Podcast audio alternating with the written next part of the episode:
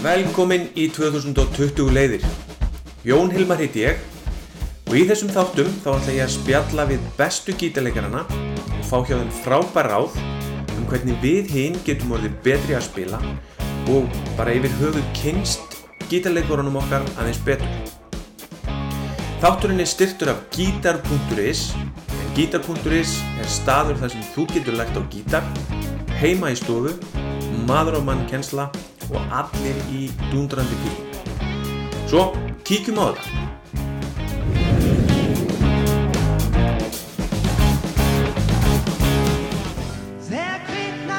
Það helst alls ekki alltaf í hendur að vera góður gítarleikari og frábær lagahöndur. Gestur þáttarins í dag er engin annar en Guðmundur Jónsson, gítarleikari í sálinni og honum tekst að vera bæði frábær gítarleikari og einn af okkar allra bestu lagahöndur. Gumma Péturs og hvað er hann að pæla? ah, Já, það er, menn geta verið gítarhetjur á ymsan hátt sko. Það er bara þannig, ég meina þeir sem að spila hraðast og eru bestir að spila þeir öfunda þann sem getur samið góðalagið öruglega meira heldur en öfugt sko. já, ég veit það ekki. En velkomin í 2020 leiðir. Já, takk fyrir það. Takk fyrir að hafa mig. Og þið veit ekkert hvað ég sé að gera hérna. Nei, við skulum reyna að komast að því. Já, Þegar ég hérna hugsa um, um þig bara sem tónlistamann þá sé ég þig alveg á stalli með Magga Eiríks og, og Gunnar Þórðar og, og öllum þeim og þú hefur sami náttúrulega ótrúlega mikið af frábæri tónlist. takk fyrir það. Það er nú ansið rausnarlegt. Já, já, Það, já, það er mikið hérna, það er líkt við þá mistara, hérna Magga og, og Magnús og Gunnar. Það er, það er mjög gaman. hvenær byrjaði þér að semja? Um, ég byrjaði nú að semja bara, bara um leið og ég byrjaði að læra á gítar, eða held ég sko. Mér finnst það kostið svona línur og, og, og stef. Og hérna, ég ólst upp á, á Skagaströnd.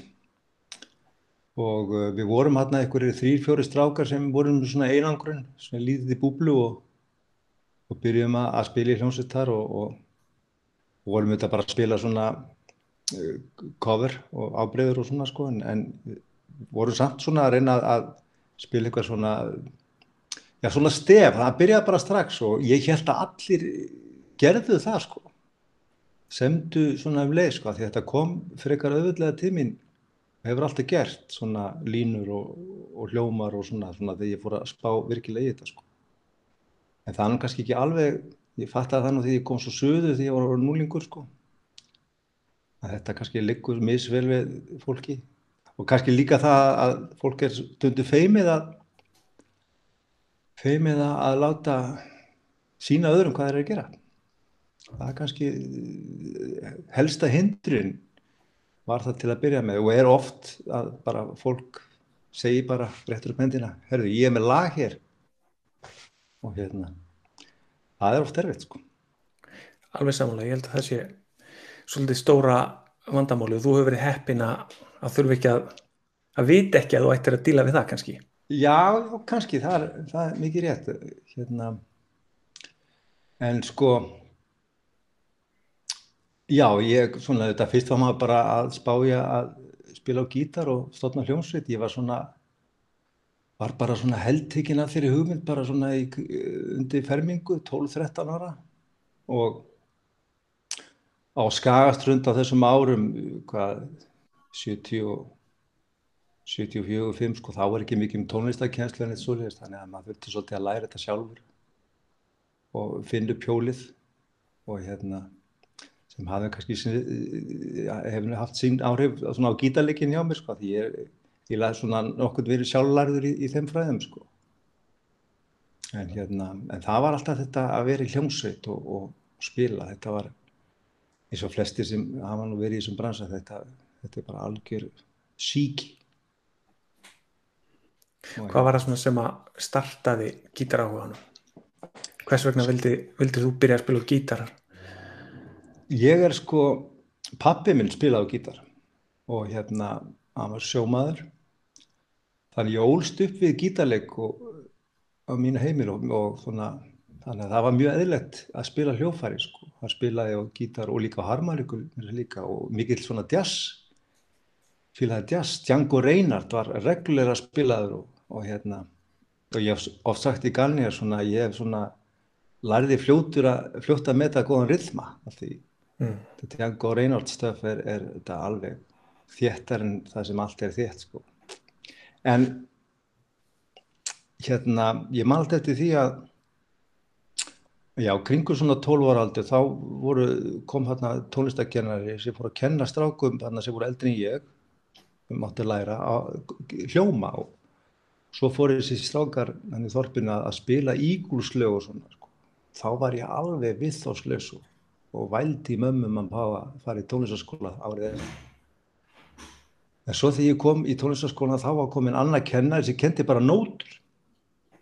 Þá var þar bók sem sem Eithor Þorláksson hérna, stór gítarleikari hafi gefið út svona kjenslubók það var svona bara lög eins og Signisól og, og svona bara verið að kenna nótur bara alveg frá allir lög og, og mér fannst nú ekki mikið rock í því og hérna ég man alltaf eftir því að ég svona kvartaði sára nefnir og vildi fá að hætta en mamma sagði bara nei þú eru að halda áfra yfir og búin að borga þessa önd, þú eru að klára þetta svo máttu að hætta en hérna ég man alltaf aftast í bókinu þar voru hljómar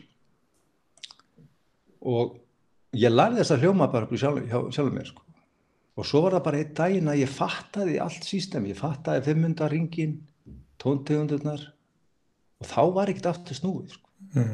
og ég man eftir því að, að þá bara þá bara var ég alveg obsessed af, af þessu og ég var öllum stundum að spila á gítar og, eins og ég segi þetta endan svo á því að kenna sjálfur er að segja þetta það í þorspinu sko, þetta, þetta var þannig en, en það var óbyrjandi áhugi sko, sem hefur svona haldist út allar efina sko.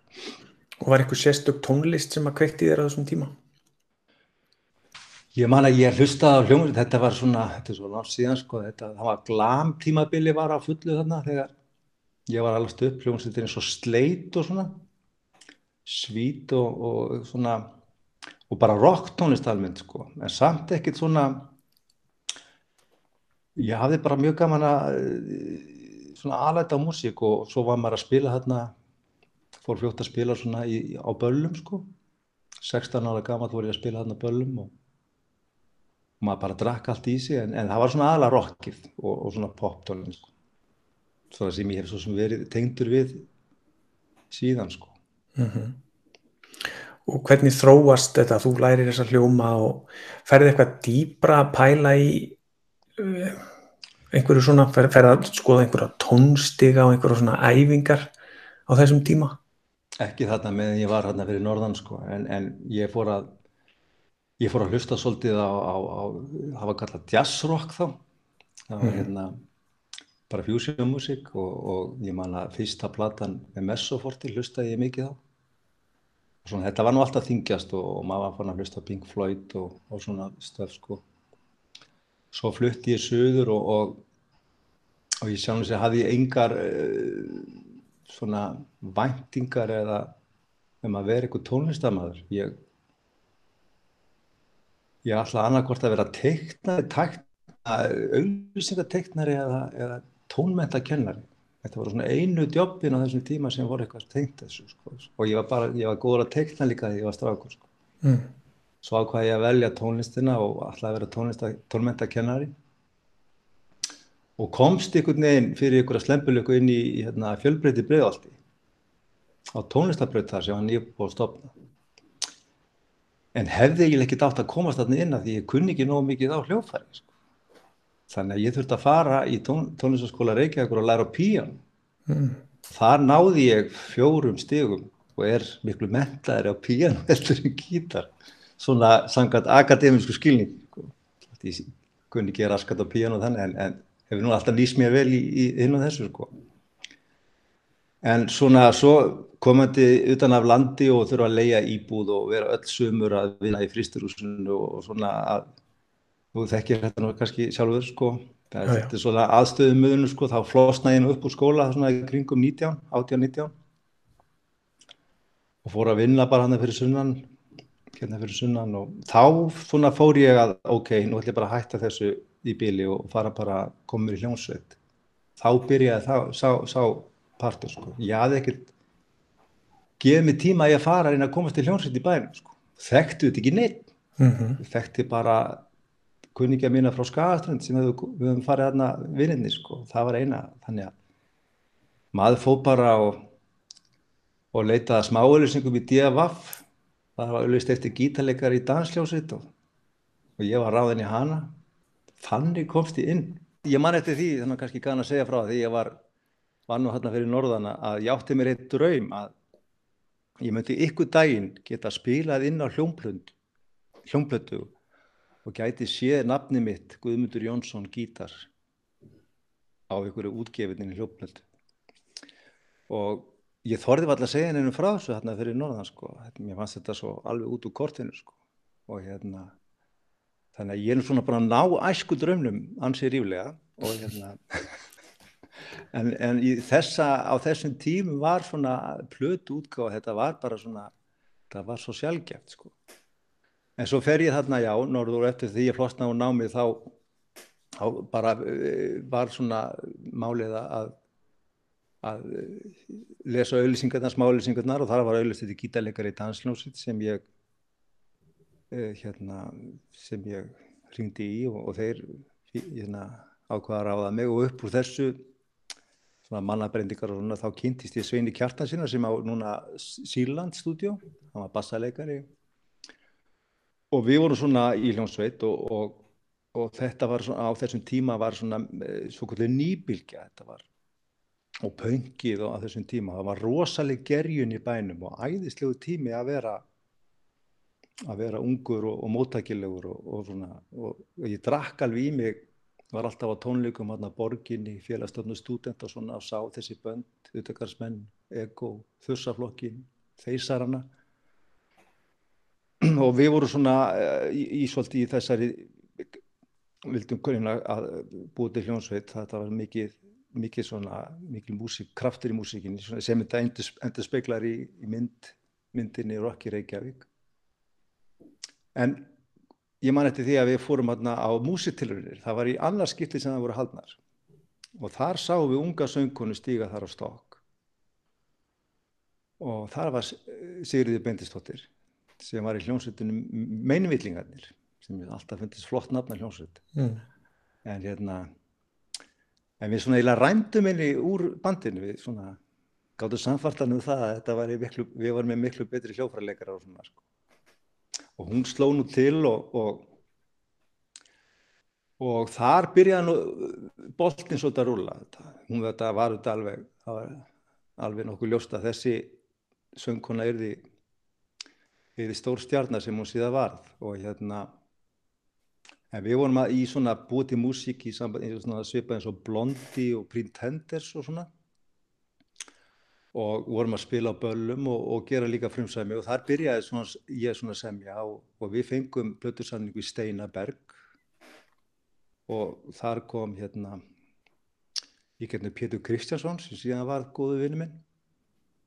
Og í þessu bandi voru Sveit Kjartansson og Jón Björgusson og Trómur og Nikolás Róbersson sem hafi verið með Pétur Kristjánsson í Paradís til dæmis og Start og hljóri böndum þannig að þetta voru svona alvöru menn mm -hmm. innabors og, og þarna var ég svona aðeins að koma með tennar inn í, inn, inn í bransan og við fengum þegar svona plötusamning og gerðum, fórum í stúdjó í kjálfærið tókum upp plötu sem heiti bara Kik og þar fór maður, fór maður í fyrsta skipt í stúdjó í hljóðrita hafnaferði og, og þetta var gríðarlega upplifum fyrir svona sveitastrákið sem mig, Þorpara að e, þar var Gunnar Smári að taka upp og Siggi Bjóla, Tómas Tómasson heitinn, bassaleikari var að pródúsera. Og maður var svona var mikil upplifum og hérna en svo kannski endaði þetta ekki alveg nógu vel að því ég var nú rekin úr bandinu fyrir almenni leðindi og fyllir í þannig að þannig að þegar plata kom út þá var ég, þá var ég ekki í hljómsveitinu lengur og hérna en, en það var bara óskup eðlilegt og ég átti það alveg skil en þá, var ég komin norður aftur á sjóin mann ég og hérna að sleikja sárin í byli okay. sí, síðan kom ég aftur hérna til Reykjavíkur og, og, og fór að reyna, að reyna meira Og hvað tók við? Hvað, hvernig byrjaður ferilin svo upp á nýtt eftir þennan snögga endi? Já, það bara, eins og segi, ég hafi verið þarna á fristitóra og eignast lóksins ykkur pening og svona og hætti þínu að ég sá það nú aldrei fyrir mér. Og fór svo aftur í bæin og ég fór nú að, að spila svona með hinum á þessum og uh, kannski stopnum þannig hljómsveit ég og Magnús Stefánsson drömmari úr Ego og fleirum og hérna Jóhannes Eðsson söngur og fleiri þegar Tíbet Tabú, það var kannski það helsta. Í þeirri hljómsveit sem komst nú í aldrei út í bílskrutum þar mann ég að þar var hvað er draumurinn samið? Eða ég kom Já. með það lag og við æfðum það lag til dæmis. En, en síðan var ég eh, ég menna því upp úr þessu þá var ég að spila brotti í dansljónsveit með Sigur Bindins og, og fleira fólki og hérna þar maður var, á bassa Birgir Bragarsson og við fórum, ég og Birgir við vorum beðnir um að spila með Jóni Ólafs og fleirum svona Blues Brothers eh, koncert á einhverjum veitingastað í bænum og, og upp úr því kynntist ég Jóni Ólafs og hann og, og, og Rafn Jónsson og Haraldur Þorstinsson voru í Bítlæðinafélaginu sem var þá í ykkur í pásu að því Stefán Hjörlundsson gítarleikari var að læra nema gítarleik í bandaríkjum þá stopnaði Sálunar Sjónsmins og ég er fenginn inn í það batteri að því ég var svona góður að spila diskogítar frétti ég mörgum ára setna en hérna og það kemur, svíðan kemur steppi Hilmars uh, í gegnum það og og sálinn verður til þarna 88 sem átti að vera bara svona þryggja fjara mánu band yfir það sumar svona til að brúa bílið hjá þeim bílavélagsfélagsmönnum sko. og þeir hæ- hætta síðan um haustið og, og við tökum við kindlinu ég og Stefán Mm Og a- svona áður en við förum í allt sálarstöffið og, og þá stóru sögu, þá hérna, þegar þú fóst aftur uh, norður á sjóin, varstu alltaf að semja? Já, já, ég var alltaf að, svona, ég man ég var að semja bara, já, ég var, já, ég var alltaf að semja, en, en, en svona var kannski ekki alveg búin að ná neitt svakalega góðum tökum á, á, á þessu dæmi, þetta svona, ég var nú með hann einhver, í þessari plötu fyrstu, þá var ég með einhver fjögur lög, sko, þau eldast nú ekki vel í dag. Nei, En einhvern veginn, þetta, maður var að byrja þarna og, og, og ég man alltaf eftir því að, að þegar ég var að byrja að starfa með Siggu að ég leta hann að fá demo af lögum sem ég hafði verið að semja. Og svo, svo frétti að því að hún hefði verið að blasta þessum demo á möstunni sinni niður laugaveginu og ég var alveg í ungu mínu sko, að ykkur skildi hlusta á þetta sko. En það eins og ég var að segja hérna fyrir þessu samtala sko, það er að þóra þóra að, að hérna, koma þessum hugmyndu frá sig sem er með sko. og, og það er, er svo, svona stæðst í þröskuldunum fyrir marga sko.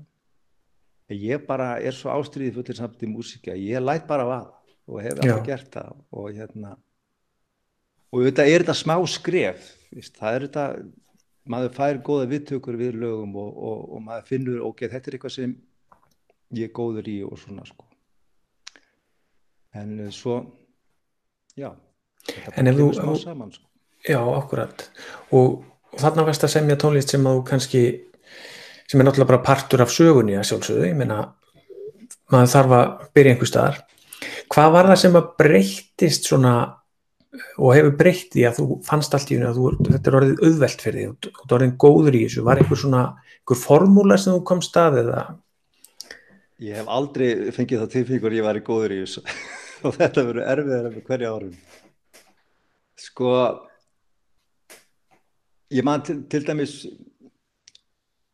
á þessum árum eins og ég kannski sagði á hann þá var þetta svo kallega nýbylgju tímabil. Og þá til dæmis eins og að þetta er nú svona gítarspjalla að þá var ég undir miklum áhrifum til dæmis frá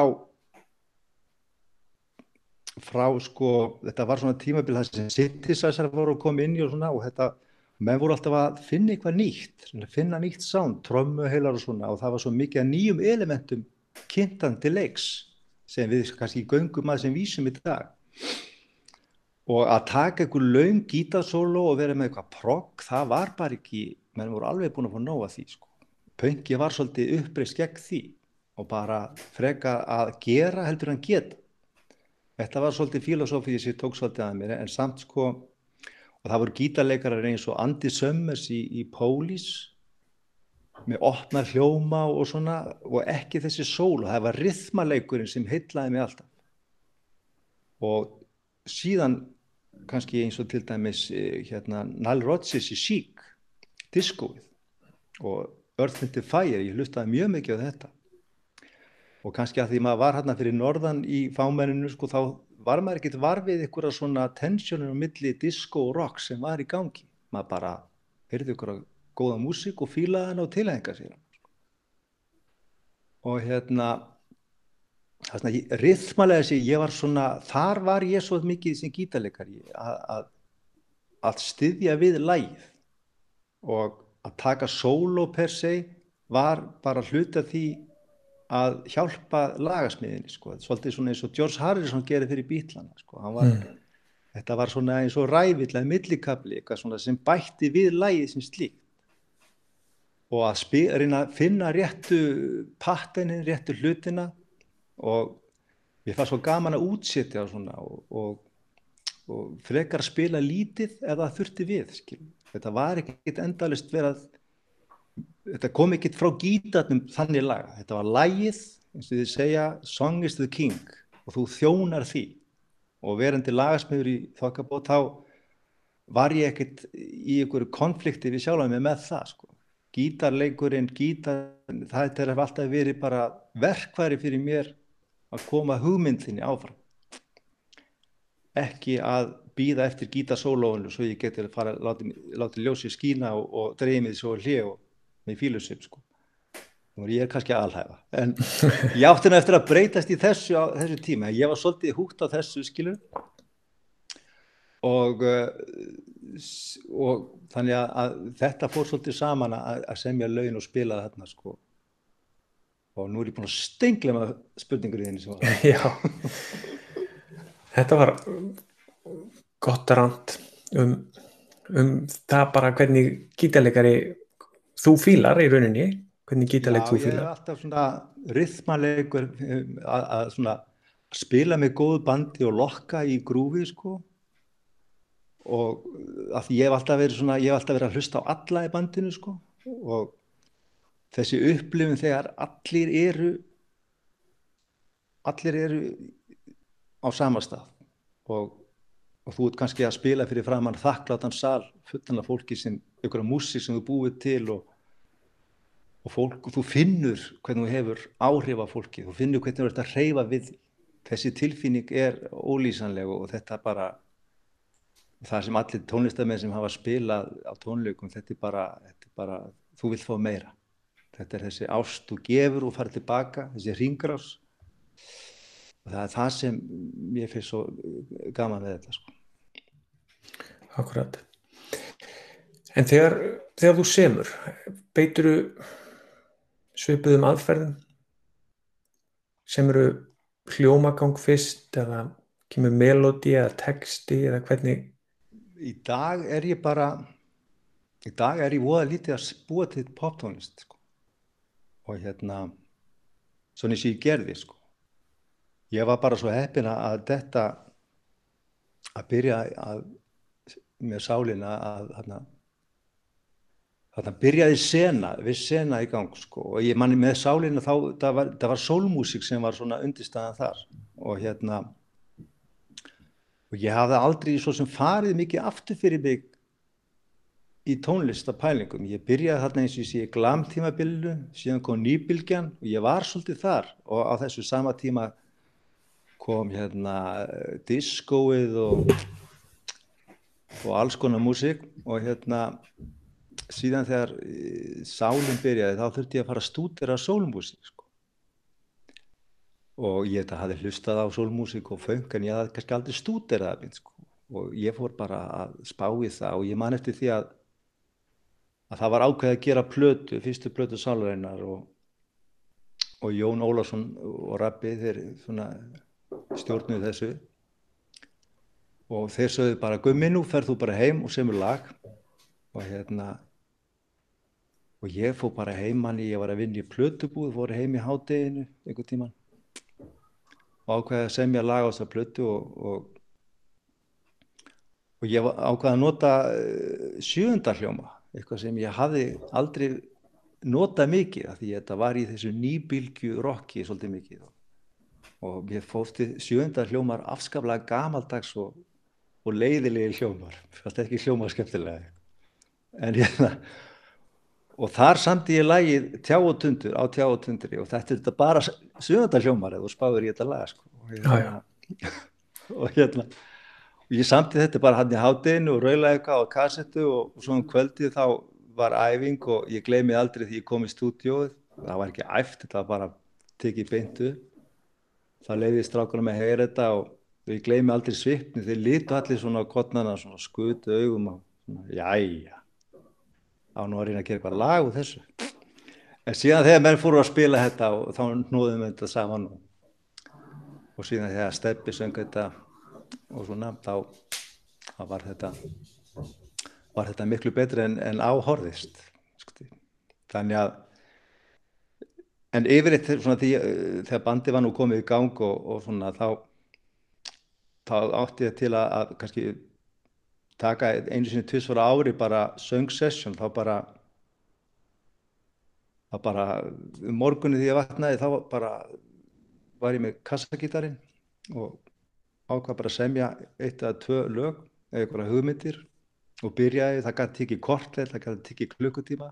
Svo söngi þetta bara inn á inn á teip og þá er bara vinnan í dag búinn svo næsta dag ger ég þetta sama og svo því ég sá ég að komi kannski með 20-30 hugmyndir þá fór ég að hlusta á þetta. Og þá svona breytir maður svolítið um haf. Þá kemur svona pródúsirinn og útsýttirinn í mann sko. og maður hlustar á þetta. Hvað er þetta, er þetta ballaða? Er þetta, er þetta gotla? Er þetta eitthvað sem ég vil gera meira með? Og þá pikkar út uh, kannski þau lög sem er að kveiki þér. Og ég var búin að stengla með öllu hvað ég hafi verið að gera. Af því þegar maður er að semja svona en mér sko þegar ég er að gera það þá bara er maður svolítið að opna sko. maður er eitthvað finninguð hljómagang, maður raular og svo kemur eitthvað neisti og þú fylgir honum þú kannski allar að búa til rocklaga eða eitthvað en svo kannski fylgir honum og þú finnur að þetta er eitthvað allt annað en þú bara fylgir þessu þangað til það kemur eitthvað tilfinning yfir þig að þetta sé eitthvað það er rosalega skrítið að hérna, lýsa þessu og hérna, margir reynda Keith Richards segir þetta sé bara svona í loftinu hérna, þú pikkir þetta sko. og það er bara margt til í því að því stundum hafa lög komið í heilu lægi og ég á demo að þessu bara þar sem ég er að söngleita inn nýbúin að segja mér þetta og ég rakst á þetta um daginn og ég bara þetta er bara eins og ég sé að syngja þetta og spila þetta núna í dag skilur og hérna og það er auðvitað bestu laun. Þau koma einhvern veginn, það kemur eitthvað. Og hérna en svo eru önnu lögsum og það er kannski að að veðsynast í. Og, og eins og ég segja kannski, ég kannski samtið 20 hugmyndir, af þeim voru 10 hugmyndir sem ég gerði demo. Þá gerði ég trommu heila á reynd að koma finna út hvers konar lata var. Og af því kannski fóru 5 lög á plutt og af því er eitt lag sem þú kannast við ef ég minnist að það við skilur. þannig að bak við hvert lag sem kom á plötu þá eru 15 hugmyndir 15 önnu lög sem liggjaði í valnum sko. þú þarf að semja svo mörg lög til að semja góð lög þannig að þú þarf að vera drullu vinnu saman sko. sko, það er mín aðferð sko. þú þarf að vera á full í þessu mm -hmm. Já, mér finnst þetta mjög aðeinsverta að hérna að þú þurfur að búa til fullt af lögum til þess að skila einu góðum. Hvað gerir þú við lögin? Eh, þessi lög, þú tekur, sagðist, takk upp 30 lög og, og velja úr. Hvað gerir þú við lögin sem að, gerur þú eitthvað úr öllum lögunum? Sum eru kannski, vist, það er kannski gott vers en, en, en, en vantar eitthvað upp á það sko og flesta þessu er bara dött sko, það er bara hann einhvers staðar týnt og tröllum gefið í kassetu kassetu hérna að bóksunni mínu í geimslu og hérna og á bara að vera það.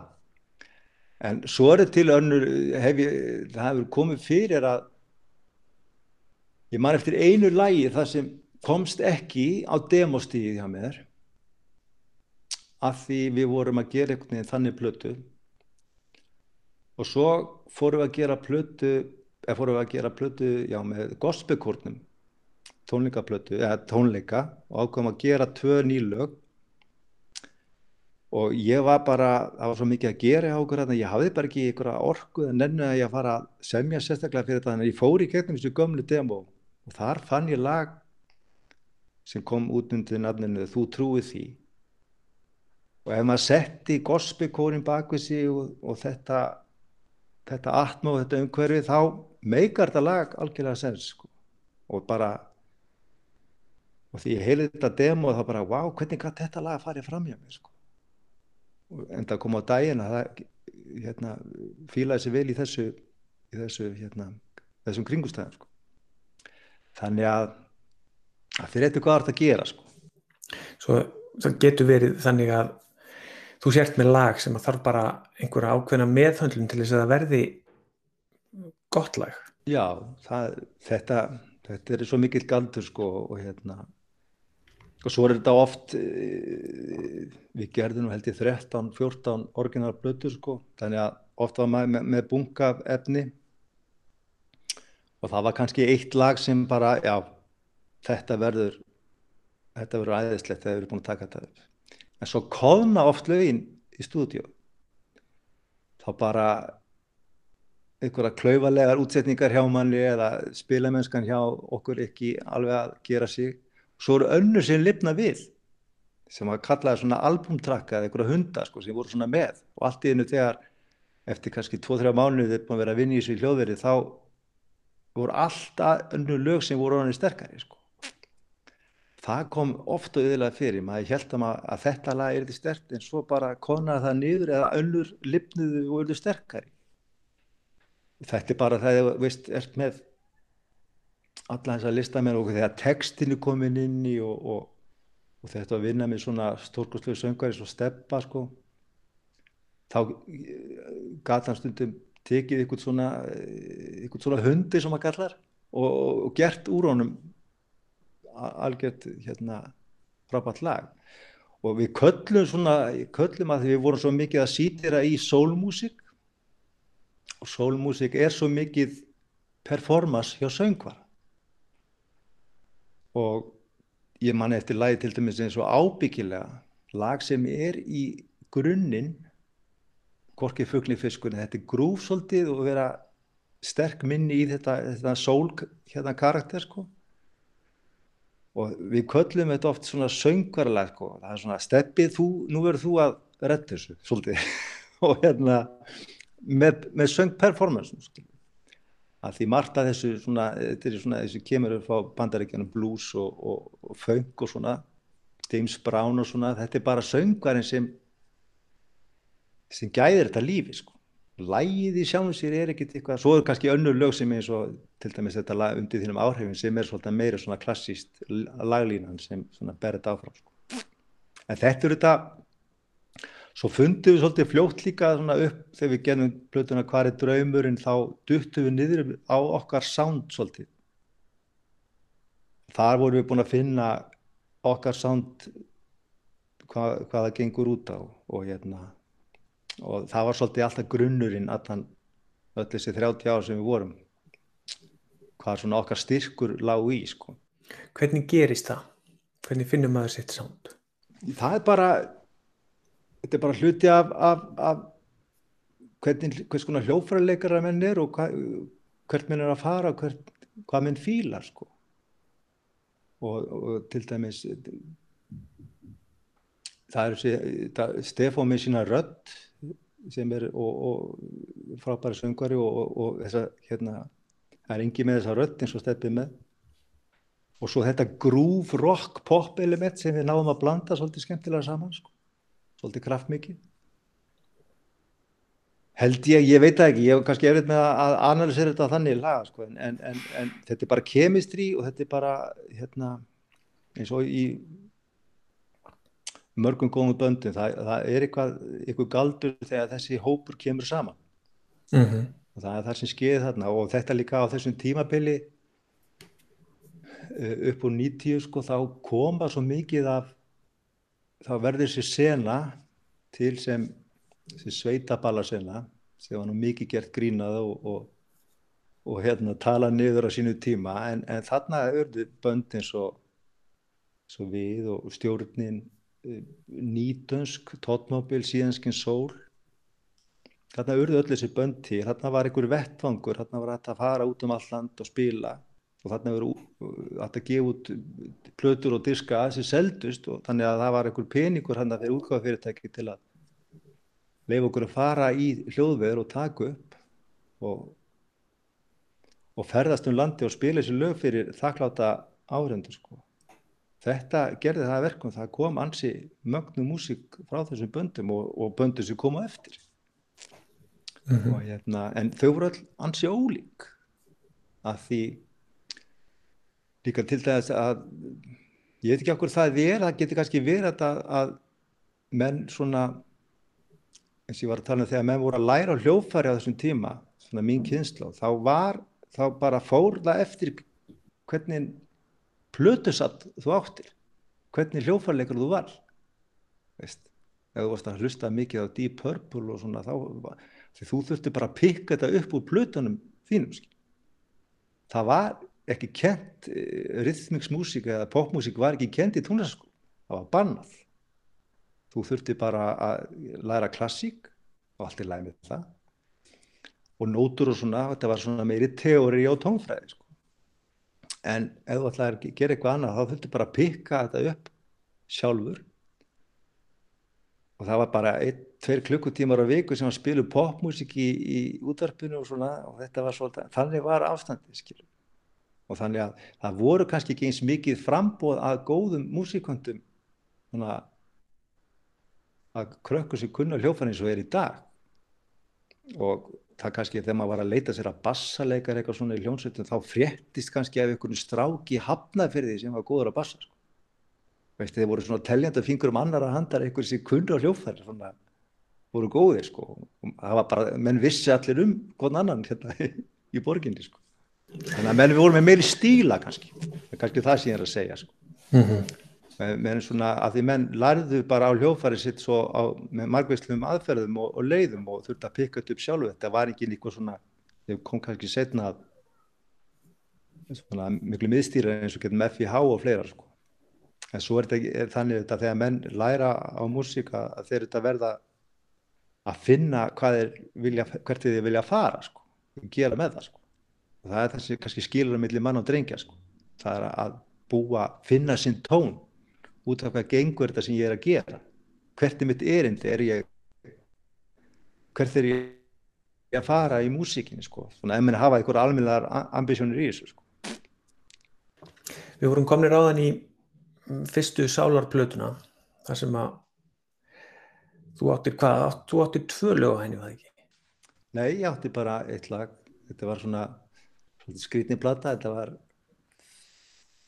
já, þetta voru þrjú frumsami lög til eh, Jón og Rabba og mig og svo var Kanina sem er nú eftir gríska prokljónsveit kom nú í ljós. Og svo var þetta tekið upp á tónleikum hérna önnulegin ég sérstökla það Já og svo verður kannski sálinn til í næstu blötu við, eins og við þekkjum hana. Já, svo, já, maður segir það. Eftir, þenna, eftir að þetta sumir í laug þá örðum við Stefan tveir eftir og við ákvaðum að halda áfram. Og uh, sumar eftir þá var uh, Magnús Stefánsson komin á trommur og, og Fridrik á bassa og, og Jens Hansson. Hann kom inn í dæmið þegar vorum að taka upp er draumurinn og, og við þessi fjóri erum þetta búin að vera kjarnin búin, að vera, er búin að vera kjarnin í sálinni síðan. Þannig að þann, þannig var nú svona já, kjarnin í bandinu komin og síðan 98 þá er, kemur Jói Hjöll trómari og það er svona síðan hefur þetta ekki breyst. Fyrir hún, þetta hljómsveitin hætti fyrir nokkur manns en já já, svo var bara spýtt í lóana og, og, og, og gefin út hellinga tónlist og spilað eins og hvergi var í morgundagurinn. Akkurat. Og, og tónlistin þróaðist nú svolítið þó að það hefði verið konum eitthvað sound þá náttúrulega gefið út rockblödu þannig í millitíðinni sem er kannski skersið aðeins frá hinnu efninu sem þið gáðuð út. Já, já. þessi þungu, þungu högg. Svo að hvers vegna fóruð þið í meira rock til dæmis á þeirri blödu hún er svolítið sérstök og já, hún er mjög öðruvísi plata. Þarna var nú þarna voru nú menn átnið svolítið ósáttið við að fá ekki að semja meira sko. Og uh, þannig að það var ákveðið að allir mynd, við myndum sem, semja þessa blötu saman í svona djam eða sko já, spila, djama þetta saman og semja þetta saman og uh, þarna var bara held ég, við vorum svolítið uppnumnir af hvað var að ske í kringum okkur í tónlistinni, þarna voru böndis og böndis og hvort að grönsi var ekki byrjað þarna? Og Guns N' Roses og svona stöf sko. Og svo líka í bandinu var Birgi Baldursson trómari sem þetta er mikill rockhundur var í svarkvöldu draumi og svona og afskaplega hérna, skapandi trómari og hann setti líka svolítið línuna með það hann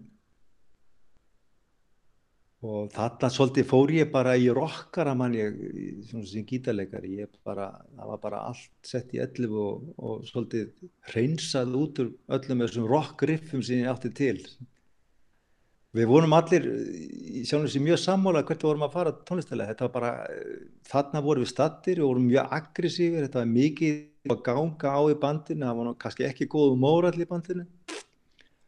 Og mikil tension og menn lifðu hátt, mikið djam og vissin á okkur og hérna, þetta kom svolítið mjög aggressífi, við tókum þessa plötu upp og mixuðum hann á 13 dög þannig að þetta var æðislega keisla sko og hérna fengum hann að flottan upptökum hann upptökustjóra á bandaríkjan sem er halvur íslendingur.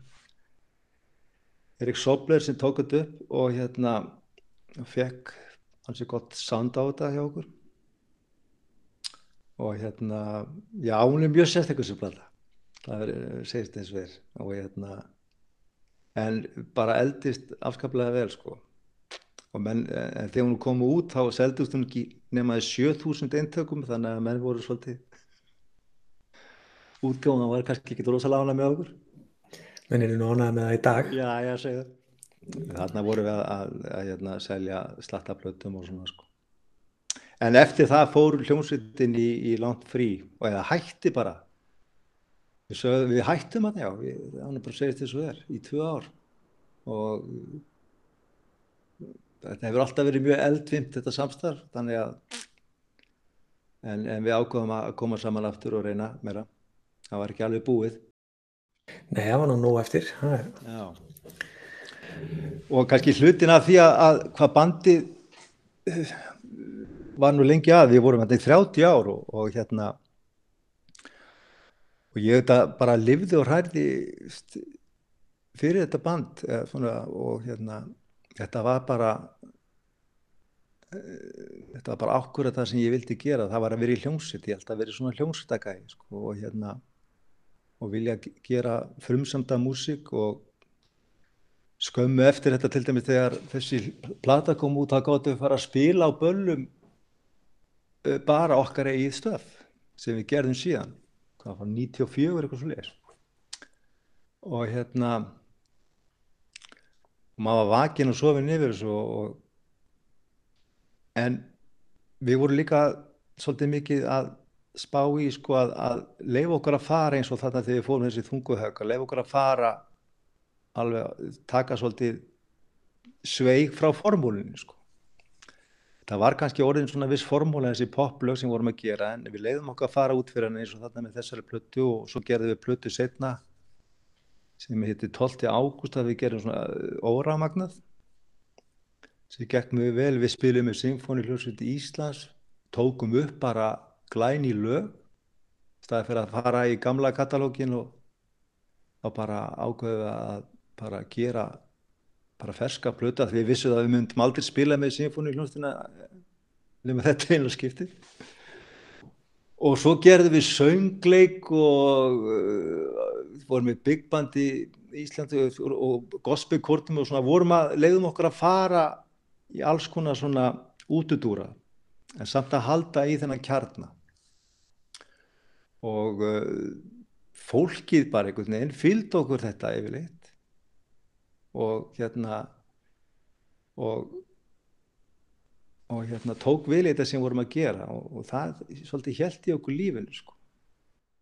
Hérna, Mannstu eftir einhverju atviki svona það sem að hljómsveitin fekk á sig gaggríni fyrir hvað hann var að gera og eitthvað svona Já, það var mjög gaggrínt þetta já, svona mestan mestan tíman að ferlinu var hann gaggrínt sko fyrir bara að vera popljónsveit. Það nú bara þannig. Það var bara og spila sveitaböllum það er bara, var algjört bannorð sko. Og þótti og þykir ekki fínt. Og hérna þannig að við vorum alltaf að díla við það. Og þetta var svona að þessum tíma voru menn að skrifa í blöðum gaggrindur sem voru mjög, mjög óvagnir gagvart hljómsveitinni sko og svona, jújú, jú, það var þetta leiðilegt að standa í þessu kæftæði sko, en, en hérna, minna, þetta er bara hlutaðið þú ert, eh, stígur á stokk og, og segir hér ég, hvernig finnst ykkur? Og þú eru bara að taka þeirri gaggrinni svona, sko. en eins og ég segi þegar við áttum, það var hellinga fólk hérna úti sem fílaði það sem við vorum að gera og við sóttum styrkin í það og við vorum með útgáði fyrirtæki sem hafi trú á okkur og, og, og við vorum að gera eins vil og við gátum sko þótt að kannski tíðarandin hafi ekkert verið endilega hérna kannski oft eh, ekkert samálaði sem vorum að gera en, en það skiptir ekki máli. En ég held að sagan hafi nú svo sem leitt annaði ljós. Og í dag er þetta nú þannig að ef, ef ykkur er að gera ykkur tónlist af einlagni og þú finnur það að, eins og við vorum að gera við vorum að meina því sem vorum að gera. Og þá, þá þetta það vinnur á endan Hvernig heldur, hvernig var í sálinn í dag ef hún var að byrja? Hvernig heldur þú Í dag? Hefur, já, hefur þú pælt í því? Það var bara ekkert engin sálinn held ég Er nokkra hljómsveiti til í dag? Nei, það er enda rétt Það er ekki bara hérna Það er ekki bara fartölu og, og, og mækur, ykkur söngari Ég held að, ég held að hljómsveiti sé eindir högg að segja sko þannig lag eins og það var sko. Og hérna En heldur að þú væri samt ekki lagasmiður ef þú væri ungu maður í dag? Jú, jú, ég Þú væri kannski bara, bara við tölvuna að Já, algjörlega sko. Þetta er bara, þú þetta bara tekur það sem þú kemur inn í. Þú bara fæðist í, á þessa jörð og, og, og hérna þú elskar tónlist og og uh, bara eins og þegar ég var að upplifa þetta þetta, þessa nýbilgju þarna Rocky Reykjavík tíma, pöngið og, og diskóið og svona hluti sko. 80's pakkan, sítt og aftan og þetta sko, þetta var bara veruleiki fyrir mér. Og hann er bara annar við erum ungd fólk í dag. Í dag þetta er svo unga fólki, þetta er bara ótrúlega góðir tónlistan það er svo mikið, að, það er svo mikið hátt quality í hvað fólk er að spila sko, hérna, það finnst mér vera breytingin og bara æðislega músík sem er í gangi og bara veist bara eins og hefur alltaf verið á Íslandi það var bara listafólk er rosalega frjótt og döllegt sko. Algjörlega Ertu að semja í dag? Hvað er þetta? Já, gera með gítarinn? Ég fó, hef svona farið meir út í bara út í rock svona setni árin einhvern veginn. Eftir að svona var svolítið komið með nóg að pop tónlist svona fannst mér sko. Og og hef kannski verið að, endur uppgöta gíta, gítarinn þannig að fór svona að fíla bara blues og hard rock og svona og leifa mér að fara kannski í þetta svona sem maður kannski setti svolítið til hliða þegar maður var yngri sko. og hérna og, og ég er ekkert endilega spá maður var svo metnaðgjarn og, og svo mikið kraftur í manni hérna áður fyrr sko. Maður er alveg vakinn og sofin í sem ég er slaka mikið á svona setni tíð. Og svo er ég líka að gera bara músík hérna bara heima hjá mér í tölvunni sko. Bara svona instrumental músík og svona sko. Og ég bara, já það er alltaf að fulli eitthvað að spá að speglura sko. Akkurat, þú með hérna uh, GG Blues. Já, ég sá ykkur um daginn, mjög skemmtilegt koncept, þið eru bara tveir trommar, og gítar. Já, það er til dæmis eitthvað sem skeiði bara upp á þurru sko, það, ég flutti á Altanes og þar býr vinnu minn Guðmundur Gunnlaugsson, trómari og mér leittist bara eh, þarna einhverja helgina og langaði að fara að spila sko. Og hann er þetta búin að vera viðlóðandi bluesin lengi. Og hérna þetta er svo sem ekki bluesband, þetta er kannski svona Eh, þetta er svona eh, svona primitív svona rock, frumstætt bara frasar og, og svolítið svona innlega tjáning þar sko. Og svo er þetta þannig að við þetta gátum ekki fenginni til að æfa eitt eða neitt sko, við erum báðið mjög æfingaglæðir þannig að ég bara bjóti svona svindlaði svolítið og býti bassan bara í getnum gítarinn. Svona eins og uh, það eru til svona duettar eins og Black Key- Keys og, og fleiri sem gera þetta. Það sem er tekið þetta er svona er bara haldið eftir svona basic hlutunum sko, bara söngur, gítar og trommur og svona bassin búin til í getnum gítarinn. Það er rosalega gaman og, og bara eitt af skemmtilegsi sem ég spilaði bara senustu ár sko, því það er gríðarlega útrás og gaman að gera þetta sko. og við gáum út plötu sko, það verður alltaf ekki út plötu saman hvað maður gerir ég það verður að búa til músík og einhvern veginn fara með þetta lengra sko. það er einhvern veginn því ég svona dett niður eitthvað því ég verð svo rosalega fæ æði fyrir ykkur og þá verð ég bara að halda áfram og, og ganga frá því þannig til held að það er komið góð sko. ég hætti ekki fyrir Akkurat, eru hérna, áttu ykkur ráð fyrir um, einhvern eins og, já, bara eins og mig sem að langar að fara að semja meira og, og hérna og gera meira, meira í tónlist ertu með einhver ráð? Já, þetta er bara, ég sko, að semja tónlist er bara að vinna. Það þýðir ekkert að býða með gítarinn og, og fá andan yfir sig. Það er bara algjör mýta, sko. Þetta er bara, þetta er bara móka skurð. Þú verður bara að fara, veist, ég var kannski að lýsa hérna áðan að, að ég bara tók þetta þannig, ég ákvað nú ætlum ég að fara að semja og ég gaf mér bara viku og hálfa mánu í það og bara á hverjum degi settist ég niður og þú þarf svolítið að opna fyrir bara, opna fyrir fyrir hvað kemur og og reyna þetta besta. Og þetta er bara að vinna, stundum ert ekki upplæðu stundum finnst þetta alveg ömulegt en þú verður bara að halda áfram. Það er málið að, hérna, og æfingi skapa meistara sko. Allir semja alveg hellinga vondu lögum. Það, það sest ekki niður og semur bara góð lög sko. eða mjög fáir. Þótt að Abba þykist að hafa gert það ég er nú eftir að því en hérna en kannski var það þannig. Stórkostlega músík. En þessi, þetta er bara að vinna og mér er alltaf minnist að þetta er hérna þegar við erum að tala um Halldór Lagsnes hvernig hann vann sko, hann vaknaði bara á mótnana og skrifaði í ykkur að 2-3 tíma eða hvað það var. Fór svo í göngutúr og, og kannski var ein setning sem lifði af eftir alla þá vinnu og komst í bók sko. Og það er bara sama með þetta. Þetta er bara þú verður bara að vera vinnusamur. Og hérna og þú hefur verið að hafa gaman af ferlinu. Að vinna í tónlist. Og núna er þetta svolítið komið að allir komið með heimastúdíu og svona sko og það er ofta ekkert gaman að vera að læna upp ykkur stöfi í, í stúdíói og svona og reyna að koma þessu inn sko, svona, en, en þetta er bara hluti þetta er þessi vinna sko. og, og það er aðalega að hafa gaman að ferlir veist, ekki vera að býða eftir að lægi sér tilbúinu og, og koma þið út og, og býða eftir að vera frægur og ríkur sko. en það er enda takmarkið sem er svo sem allt er lægi þá uh, held ég verður kannski fyrir meiri vonbröðum heldur en ef þú nýtur þess að búa til tónlistina sko. þannig að frekar öfut sko, það er svo gaman að vera í svona sínu eigin mengi búa til tónlist með góðu fólki oft.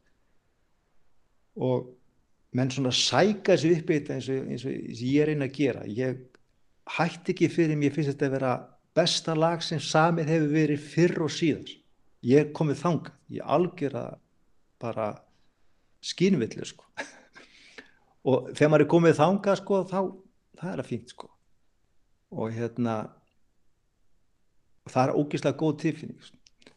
en svo er ofta erfiðar að fara út í dagsljósi með kannski lagurinn að koma því í spílun og, og tala við ykkur fjölmiðla fólk sem er svona alveg kannski nett nákvæmlega saman hvað það er að gera og, og reyna að koma því í gegn það er bara önnur ella sko.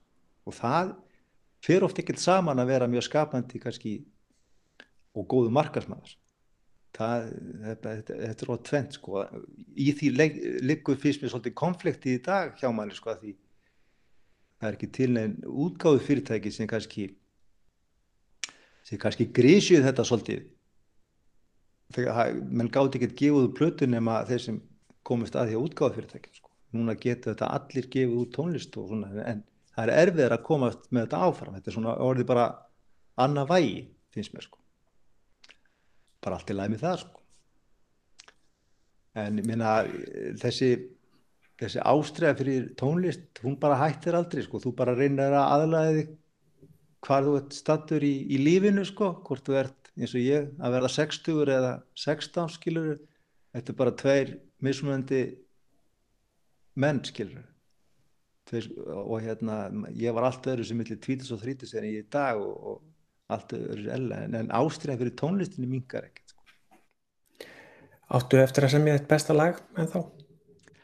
Já, ég vona það sko það sem kannski knýr mann áfram þegar maður er að byrja þegar maður er að semja og, e, það er þetta, þessi fyrirheit sem þú færð, þessi tilfinningu fyrir þú ert byrðið eitthvað til að kemur eitthvað upp úr engu og þú ert strax farin að ímynda þér hvernig þetta getur orðið.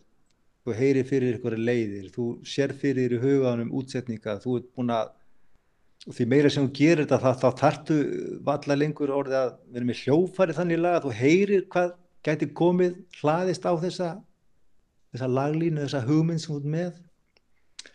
Og þessi fyrirheit fyrir þessum sem þú ert að búa til það er rosalega